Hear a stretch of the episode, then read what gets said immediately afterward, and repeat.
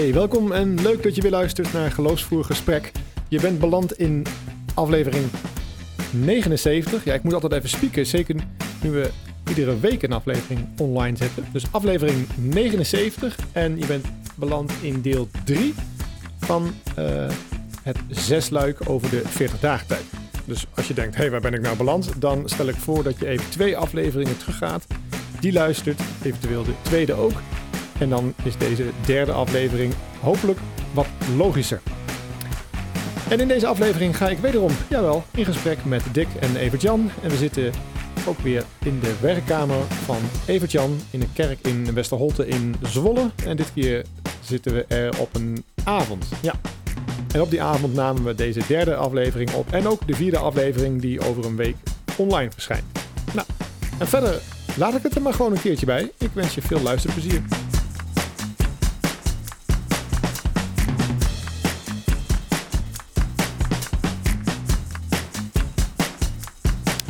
Ja, tijdens eh, de klanken van een koor, wat in dezezelfde kerk waar we deze derde aflevering opnemen van de 40 dagen podcastreeks, bestaande uit zes afleveringen.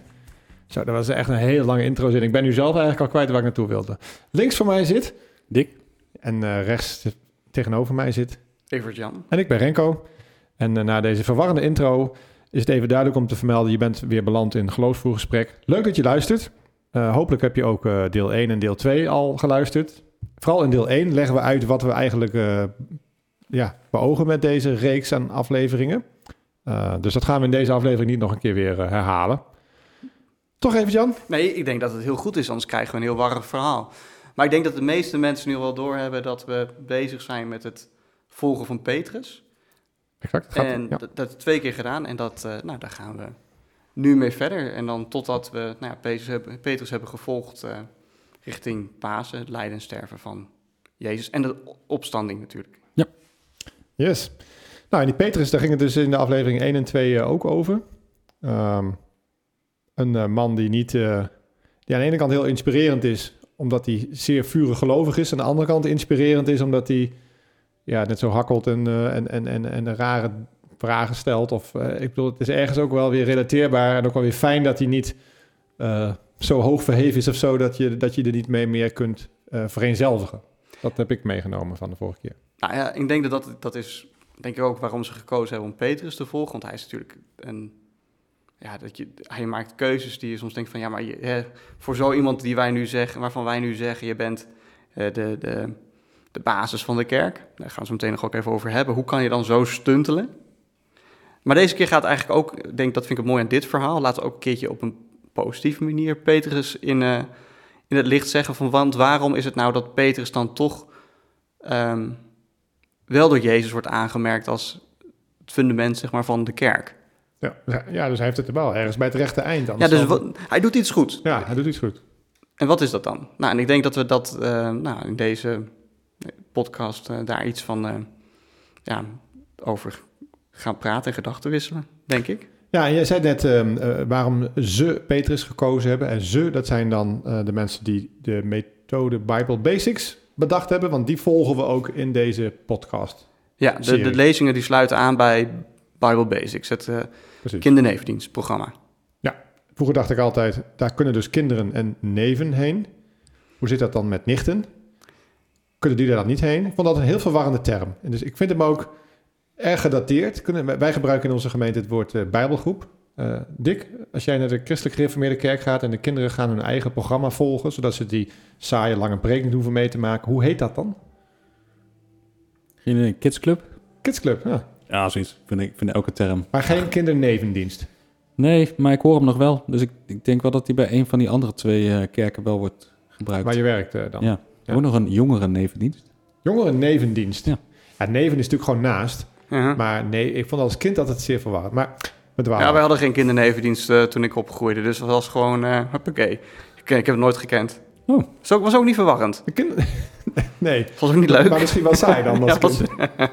nou ja, ik, ik, ik uh, zit nog in de kerk, dus... Ik wil zeggen, dus, we hebben hier gewoon een predikant geworden, dus, dus ja. Ja, ik, ik, nou, ik denk niet dat we dit als voorbeeld gaan nemen. ja. Oké, okay, maar in Bible Basics heeft dus ook weer een gedeelte gekozen uit een evangelie.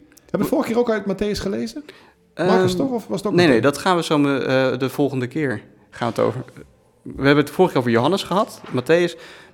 En, maar nu gaan we het ook uit Matthäus doen. Dus zou je dat willen lezen, Renko? Ja, dat, eh, dat wil ik. Dat, eh, Ik, is leuk dat je dat vraagt. Ik had toevallig ook al klaargelegd. Nou, toevallig. ik vond ook dat van Marcus, dat heeft hij in, eigenlijk al in de voorbereiding voor het volgende podcast heel uitgebreid, heeft hij daar een eh, intro over geschreven. Dat we dat pas de volgende keer voor het Ja, eerst... gaan lezen, ik ja. heb op de Ja. muziek vooruit. Ja. maar, Oké, oké, oké. Ik heb het door de waar Even gehaald. dat dit on-air even... Sorry. Eh, Dick, wil je even stil zijn? Ik ga lezen. Ja?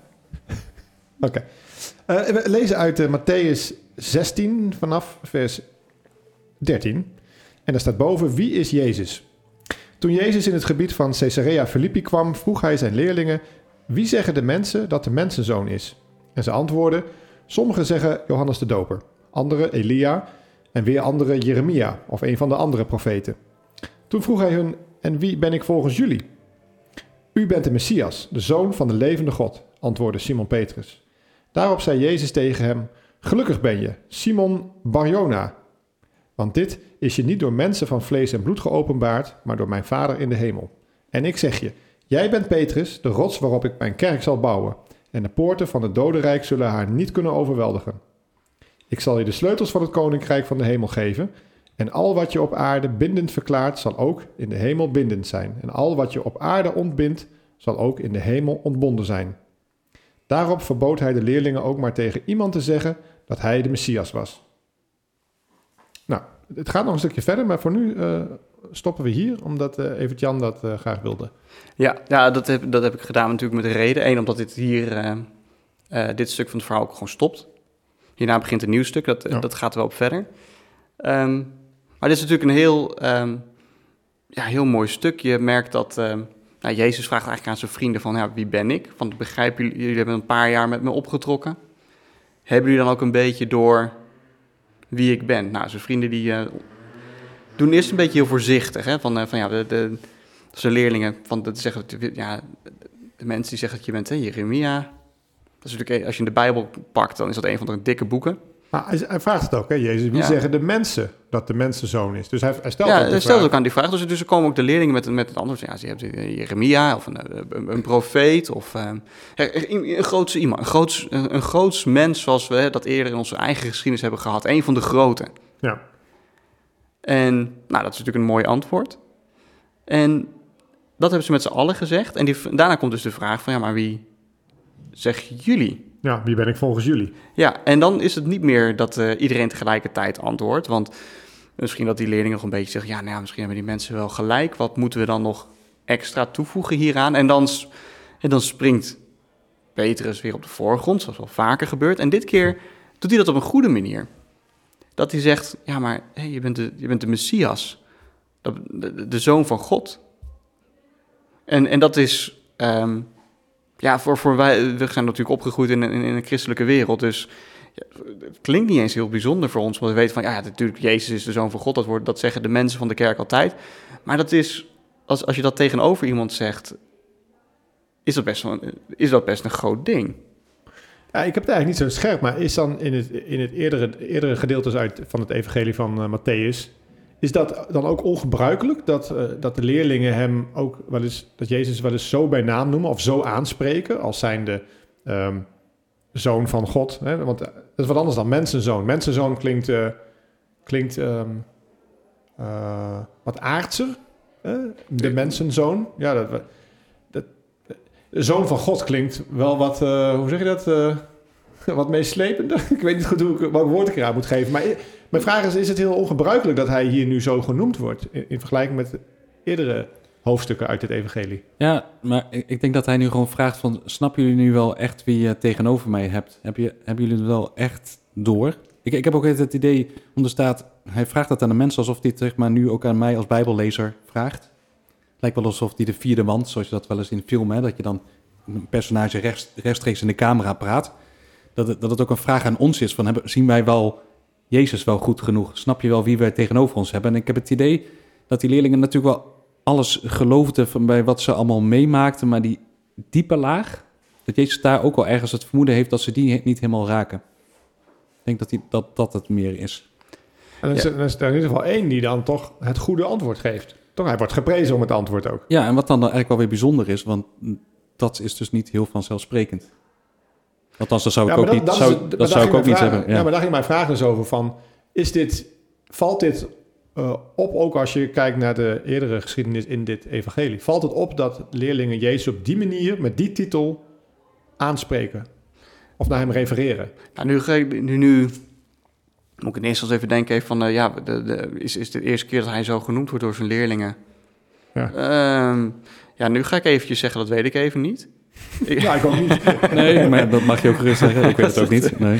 Dus, je hebt de religiewetenschap ook een beetje theologisch, dus Ja, we ja, weten nee, het samen niet, hè, dus Ja, dat is nee, goed. ik zat ook wel eh, te denken van wanneer zou dit nou nog een keer ter sprake eh, gekomen moeten Maar zijn. tegelijkertijd denk ik wel dat het een goede vraag is. Want wat ehm, het wel het idee is, is natuurlijk dat je...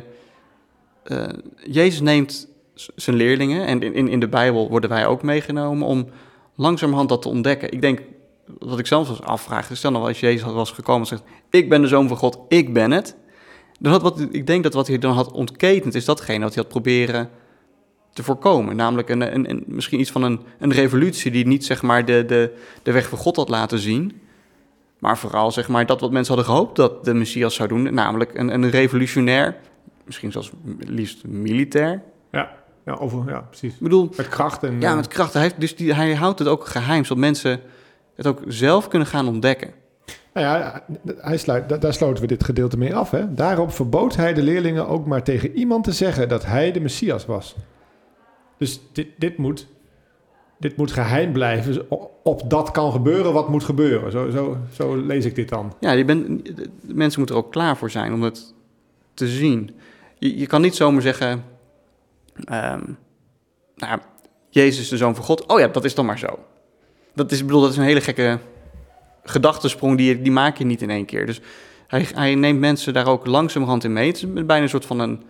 ehm, maakt ze klaar om hem te gaan leren kennen voor wie hij werkelijk is. Zodat ze ook gaan begrijpen wat hij gaat doen. Ja, want dat, zo, dat laatste, ik weet niet, dan refereer je denk ik naar zijn lijden en sterven. Ja, Ja, dus dat is ook hoe ik dit lees. Ik kan niet eens ah, zeggen waarom dat zo is, maar eh, dat het verborgen moet blijven totdat hij sterft. Dat dan pas eigenlijk dat duidelijk mag worden of zal worden dat hij die Messias is. Maar waarom, waarom zou Jezus dat dan zo strikt verboden hebben? Wat, wat- ja, je zegt net van, eh, hij wilde niet dat er iets ontketend werd, hè? Dus, dat hij eerst kan laten zien, wat, wie is dan die Messias? Want hij, ehm, eh, het proces is afgerond wanneer hij is opgestaan. dus dat moet eerst voltrokken zijn, zeg maar. Ik, ik denk het wel. Ja. Op het moment dat, eh, dan, en dan is het zeg maar, dan, weten ze het, dan kunnen ze het hele verhaal horen van wie is de, de zoon van God die naar ons toe is gekomen. Ja, en toch lijkt hij, het, ehm, als Petrus hem dan wel juist benoemt, dan lijkt hij dat toch ook niet erg te vinden. Dus dan, Maar een kleine kring dan misschien. Ja, want dan zegt hij niet van, eh, nee, Petrus, jij, hebt- je bent nu achter de waarheid gekomen, maar houd nog even onder de pet, weet je. Dat, dat, Hij is- Hij- gelukkig ben je Simon, en dan nog een nieuw woord voor mij, Simon Barjona. Ja, Had ik echt nog nooit eh gelezen. Barjona is, is- mag je zien als gewoon een naam. Kijk, Bar is, eh, ik denk, ehm, in die zin, nee, het is, ehm, dat het, het is, ehm, ja, ik kan je niet het is helpen, een, nee, maar nee, ik wel, ik, Nee. ik kan eh, het ons, het is gewoon een soort van ehm ehm, Jonas zoon, of een beetje, beetje op zo'n soort manier. Dus het is gewoon eh, Simon van, Ja, ja, gewoon een familie, eh, dat, je, dat je weet uit welke lijn je komt, zeg maar. ja, precies. Ja. Dus het is gewoon een verlenging van zijn naam. Ja, dus hij- Jezus zegt tegen hem, als hij dan het antwoord geeft hè, op die vraag, dan zegt Petrus, dus, u bent de Messias, de zoon van de levende God. En daarop zegt Jezus dan tegen hem, gelukkig ben je Simon Barjona, want dit is je niet door mensen van vlees en bloed geopenbaard, maar door mijn Vader in de hemel. Dus ofwel, Jezus zien voor wie hij is in, in zijn goddelijke dimensie. Dus niet alleen het feit dat hij op aarde loopt en een mens is daarmee, maar dat hij meer is dan een mens en de zoon van God is, dat kan je in ieder geval toen, Mhm. misschien ook nog wel, maar in ieder geval toen, niet zelf zien als mens. God moet daarbij helpen. Dat, dat lees ik hier, toch? Ja, en dan kan je natuurlijk op verschillende manieren dat, dat lezen. Je kan zeggen dat is een. eh, ehm, ja, zoals jij het zegt, klinkt het bijna alsof je, alsof je een bepaalde metafysische meter, eh, eh, openbaring heeft gekregen. Ja, alsof er zo- zo'n vinger vanuit de hemel zo... Nou, Ja, nou, zo, bedoelde ik het niet hoor. Maar het staat wel heel duidelijk in. Dit is je niet door mensen geopenbaard, maar door mijn Vader in de hemel. Dus God heeft iets teweeggebracht bij Petrus. waardoor hij die goddelijke dimensie in Jezus eh, eh, herkent. Ja, zo zou je het Mag ik het kunnen... zo zien? Ja, nou, ik zou het zo zeggen. Ik, Ik, ik denk... de metafysisch nog. Ja, ik vind het wel... heel- Ja, ik, ik, ik weet Wat dat is je... dat, metafysisch eigenlijk? Ja, nu ga je dat doen alsof, alsof ik zeg maar de moeilijke woorden gebruik. Ja, Een goddelijke nee. dimensie. ehm ja, het metafysisch is volgens mij dat wat het fysische, het, het tastbare, de natuurwetten ehm, Ja, zou meten- overstijgen. Meta het over, ja. Ja. Ehm, ja, maar misschien heb je ook ergens wel weer gelijk om met hoe je het zegt. Ik zou het gewoon zelf gewoon niet zo, zo zeggen. nee, maar het is, het is meer dat... ehm, ik denk dat hij... zou jij het zeggen, Jan? Nou ja, hij heeft Jezus gezien op deze aarde. En dat, dat zie je, kan je, kan, hij- je je loopt met hem mee en je ziet hem gewoon in dezelfde patronen als, als die we kennen. Hij eet, ehm, hij loopt, hij slaapt. Dat zijn gewoon de patronen die we hebben. Dus dan is het ook heel logisch dat je dat ver- verder trekt nadat hij deel is van de samenleving, deel is van, de, van je geloof. Hij is daar heel erg slim in, dus dat hij onderdeel is van al die gewoon die hele herkenbare patronen, zoals ehm, zijn vader dat misschien ook was en die andere vrienden van hem dat ook zijn, waren. Dus onderdeel gewoon van dat systeem en die gewoontes en die verwachtingen. En wat hij dus heeft gezien, Petrus? Petrus, is Ja. dus een, geloof ik, denk ik, dat een, een, een ander, ander patroon, een andere weg, een andere eh, realiteit, een andere mogelijkheid. In die zin dat, ehm, dat ze ook zien dat, dat, dat hè, wat je, als je gaat zeggen wat ik bedoel, is bijvoorbeeld ja, wat je verwacht van mensen, is dat ze uiteindelijk misschien de macht grijpen. ehm, of dat ze uiteindelijk ehm, bepaalde doelen hebben. en uiteindelijk gaan ze sterven.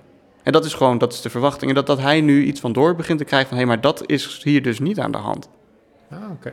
Maar dat vind, dat- maar dat vind ik dan... Maar dat, ik dacht dat jij dat dus in eerste instantie bedoelde bij je allereerste vraag. Ook hierbij vraag ik me af, en even Jan, jij vraagt vaak aan ons of we dat willen doen.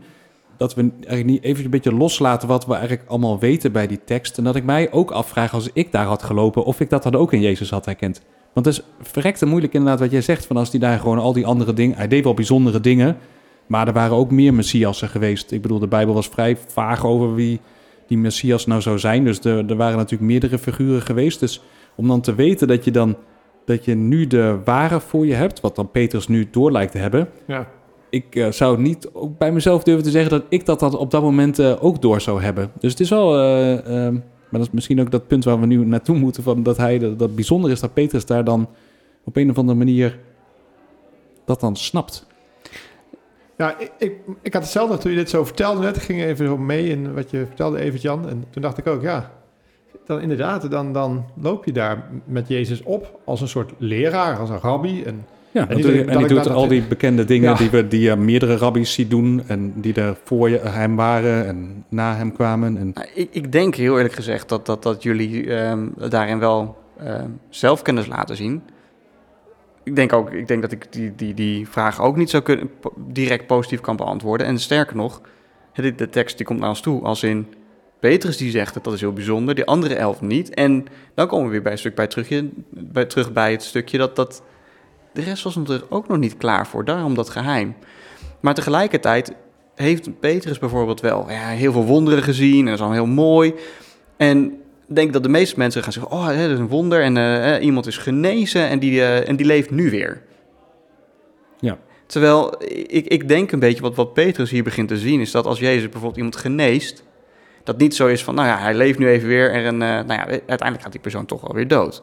Maar dat, dat hij begint te zien van, hé, hey, dat die, zo'n genezing, dat is, dat, er schuilt meer achter. Er schuilt een werkelijkheid achter waarin ja, een soort die ziekte- ja, waarin ja. die ziekten die dood eigenlijk helemaal niet horen te bestaan. ah, Ja. Dat, dat hij dat langzamerhand begint door te krijgen. Een, een, een wonder over de, de wonderbare spijziging. Weet je dat allemaal? eh, dat, dat in één keer iedereen genoeg te eten heeft van eh, een, een paar broden en een paar visjes. Dat hij dan ziet van, hé, wacht even, maar dat idee van honger. Eh, ja, ja. dat, dat, dat, dat is zeg maar, dat er zit, en dat, dat er genoeg is voor iedereen, bij God blijkbaar. Dat, dat, dat telkens maar dat hij daar iets van door begint te krijgen van, hé, maar er zit, er, er, er, eh, schuilt meer achter die wonderen die iedereen gezien heeft. En is dat dan wat wij in de kerk ook aanduiden als het koninkrijk van God? Is dat, is dat wat je dan bedoelt met die andere werkelijkheid, andere realiteit, waar iets van doorschijnt in dat, in dat heden? Hè? Ik bedoel dan het heden van het verhaal wat we nu net gelezen hebben. En het hele ook, eh, wanneer we dat nu doorkrijgen ook. Ik, ik moet eigenlijk zeggen, ik ben heel, heel, eh, heel tevreden met de woordkeuze die je nu eh, die kiest. eh. Ja, dat mogen dat Ja. wel even benadrukken. Renko, wat een mooie woordkeuze. Nou ja, kijk, Je- Jezus zegt... Petrus wordt eigenlijk heel erg eh, gecomplimenteerd eh, door Jezus als Ja. hij dit antwoord gegeven heeft. hè. Mhm. Ik zeg je, jij bent Petrus, de- want Petrus be- betekent rots, hè? Ja, en, dat, is, en ja, dat, dat klopt. En ik denk dat dat een hele goed is om nog even de na, nadruk op te leggen. Is dat omdat hij dat zo zegt, is hij die naam waardig. Zeg maar, dat, dat, dat hij heet Simon en hij krijgt hè, rots om op gebouwd te worden. Dat is fundament hè, voor, voor veel nieuwe gelovigen. Ja, want Eh, hij heette eerst gewoon Simon. ja. En hij heette daarna Simon. Petrus en we zijn hem gaandeweg Petrus gaan noemen. Ja, precies. Er is ook een reden dat, hè, dat in de Rooms-Katholieke Kerk ze, hè, de, de, de, de paus is een, eh, ehm, is, is een opvolger van Petrus. Ja, ja, Dat zeggen ze ook. En daarom heeft het teken van de paus ook die twee sleutels. Als je een keertje het opzoekt, dan zie je dat een paus heeft zo'n mooi, volgens mij een hoedje op het teken. Ja, Ja. ja. klopt. Ja, sowieso. En die twee sleutels, omdat hij dus bij Petrus... eh, om- En pl- ja, ik vond het ook inderdaad, ik, dat, dat Petrus aan de hemelpoort, waar allemaal van die mopjes allemaal over zijn, ik, dat, dat kwam inderdaad uit deze tekst, komt dat dan. Hè? Ja, dat, daar ja. staat dat ook, van je krijgt die sleutels en zo. En Ja, dat, ja, precies. Wat, nog even die complimenten lezen, zeg maar. Hè. Jij bent Petrus, de rots. Hè, de- eh, Mhm. Mooie beeldspraak dan ook. Waarop ik mijn kerk zal bouwen en de poorten van het dodenrijk zullen haar niet kunnen overweldigen. En haar is dan die kerk, hè? Ik zal je de sleutels, daar zijn ze, Ja. van het koninkrijk van de hemel geven. En al wat je op aarde... En dat vond ik dan moeilijk. Misschien, ik weet niet of we daar nu de tijd voor hebben. Maar en al wat je op aarde bindend verklaart, zal ook in de hemel bindend zijn. En al wat je op aarde ontbindt, zal ook in de hemel ontbonden zijn.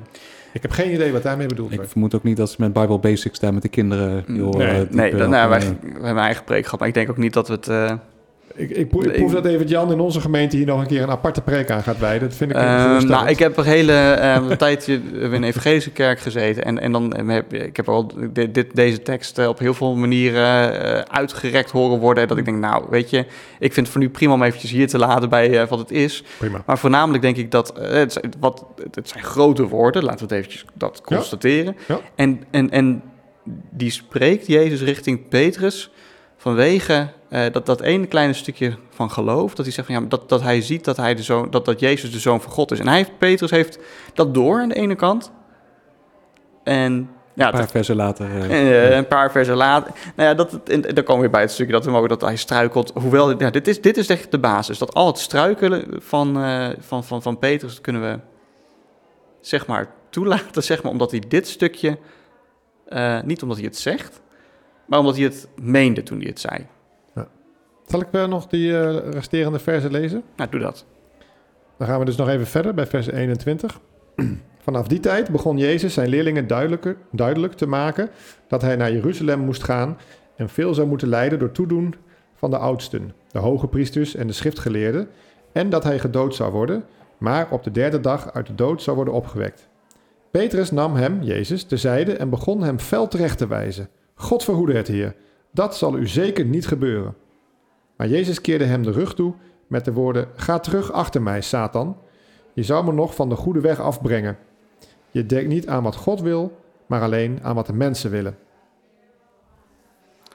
Ik, ja, ik, zo, zo gaat hij van rots naar eh Satan. ja, ik zit het met verbazing te lezen. Petrus nam hem, Jezus, terzijde en begon Ja. hem fel terecht te wijzen. Wow, Ja, apart.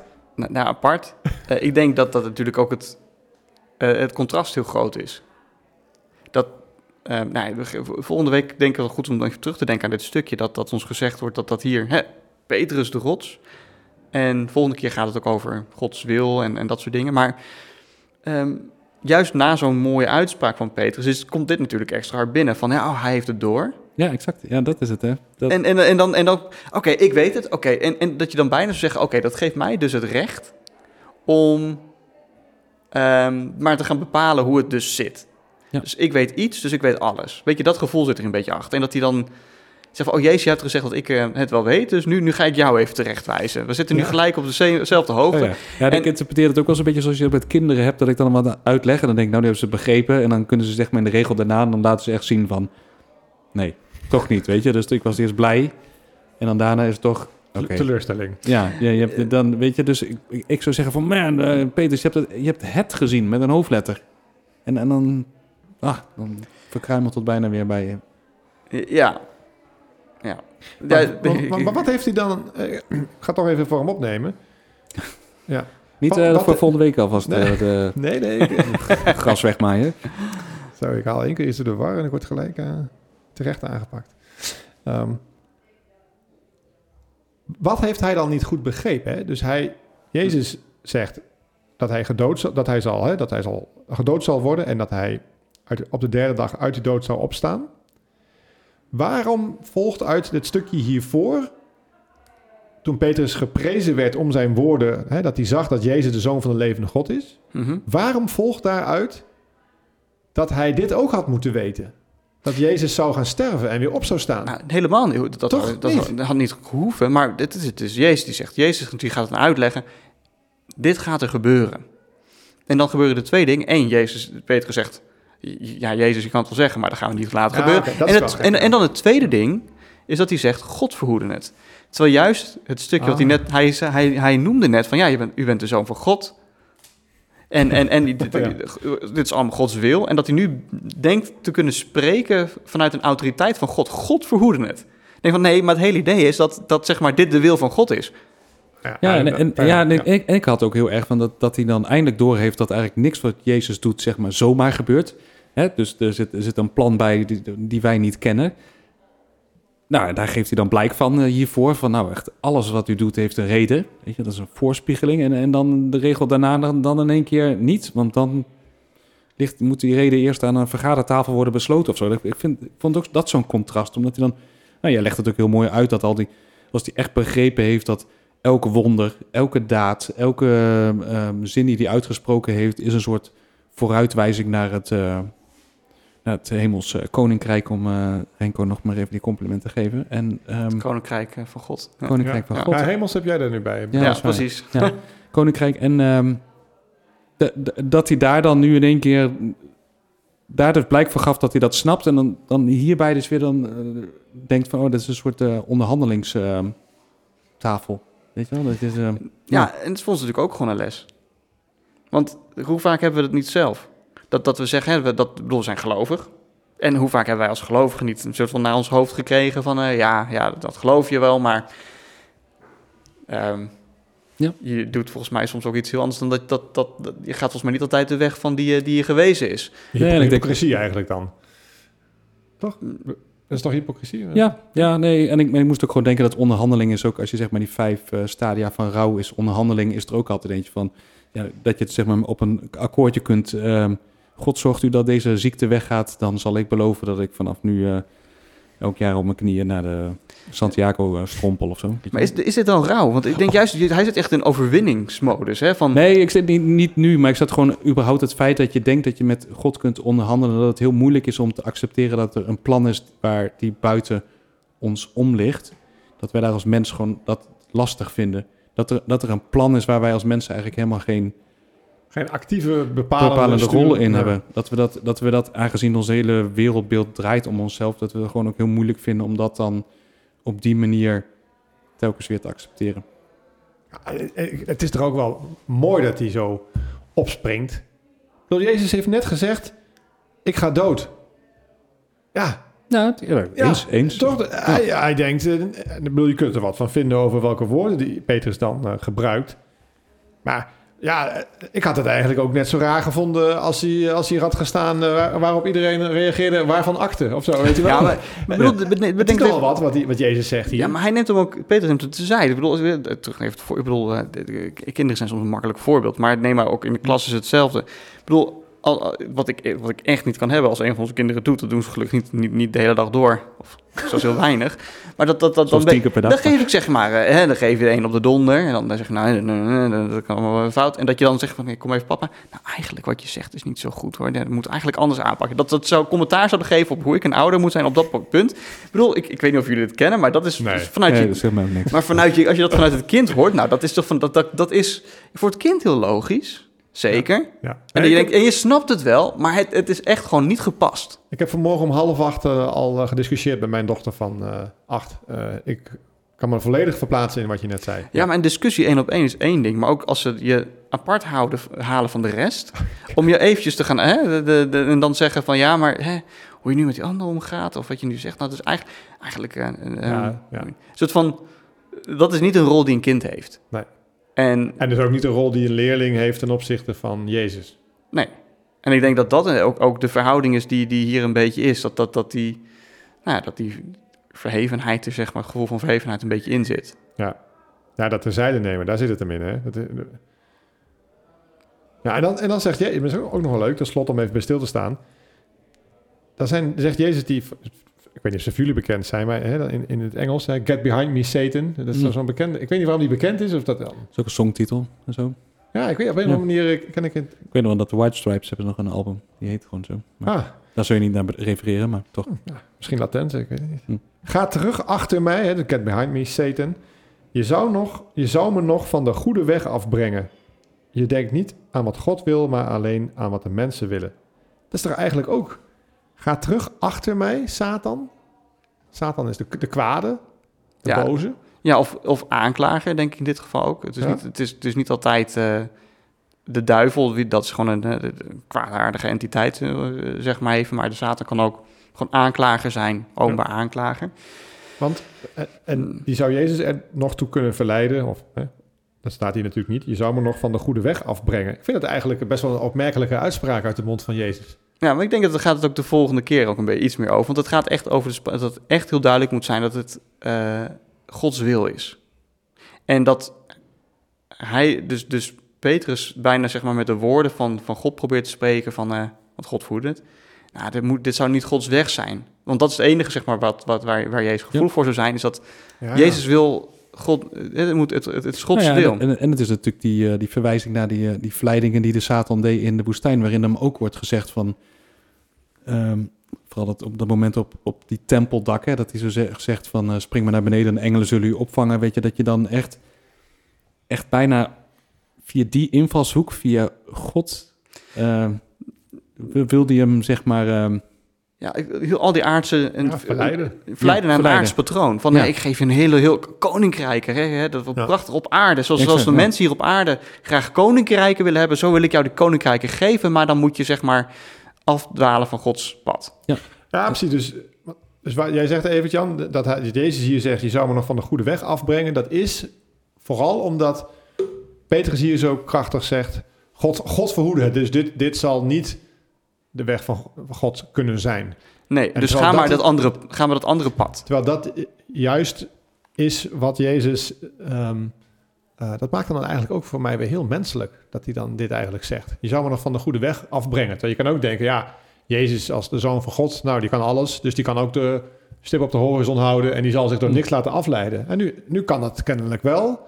Als, als, die, als iemand die stippen, om maar even die metafoor te blijven, dan verzet, dan, dan kan Jezus kennelijk toch eh, van, van zijn route afgebracht worden. Ja, dat gebeurt natuurlijk niet, hè? Maar snap je een beetje waar ik naartoe wil? Van, als hij dan zoon van God is, hoe, hoe zou hij zich dan Nou, van zijn... maar dat is ook denk ik iets voor volgende keer als we het dan over die verleiding in Gethsemane hebben. Dat, dat, dan gaan we dan denk ik ook aanstippen van oké, het is dus klaarblijkelijk lijkt er een soort mogelijkheid te zijn dat er nog een andere weg te bewandelen is.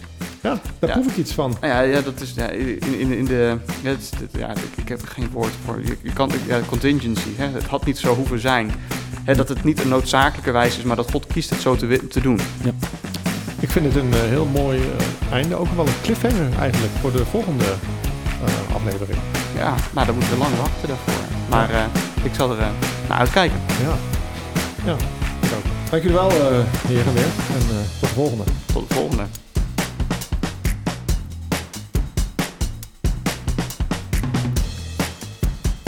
Ja, en of het voor jou ook een cliffhanger is om naar de volgende aflevering te luisteren, dat weet ik natuurlijk niet. Maar we hopen wel dat je ook weer aansluit bij aflevering 80. Zeg ik al goed? Ja, dat zeg ik volgens mij heel goed. Aflevering 80. Eh, ofwel deel 4 uit de reeks over de 40 dagen tijd. Voor nu, dankjewel voor het luisteren en heel graag tot over, ja niet twee, maar dus één, tot over één week. Hoi!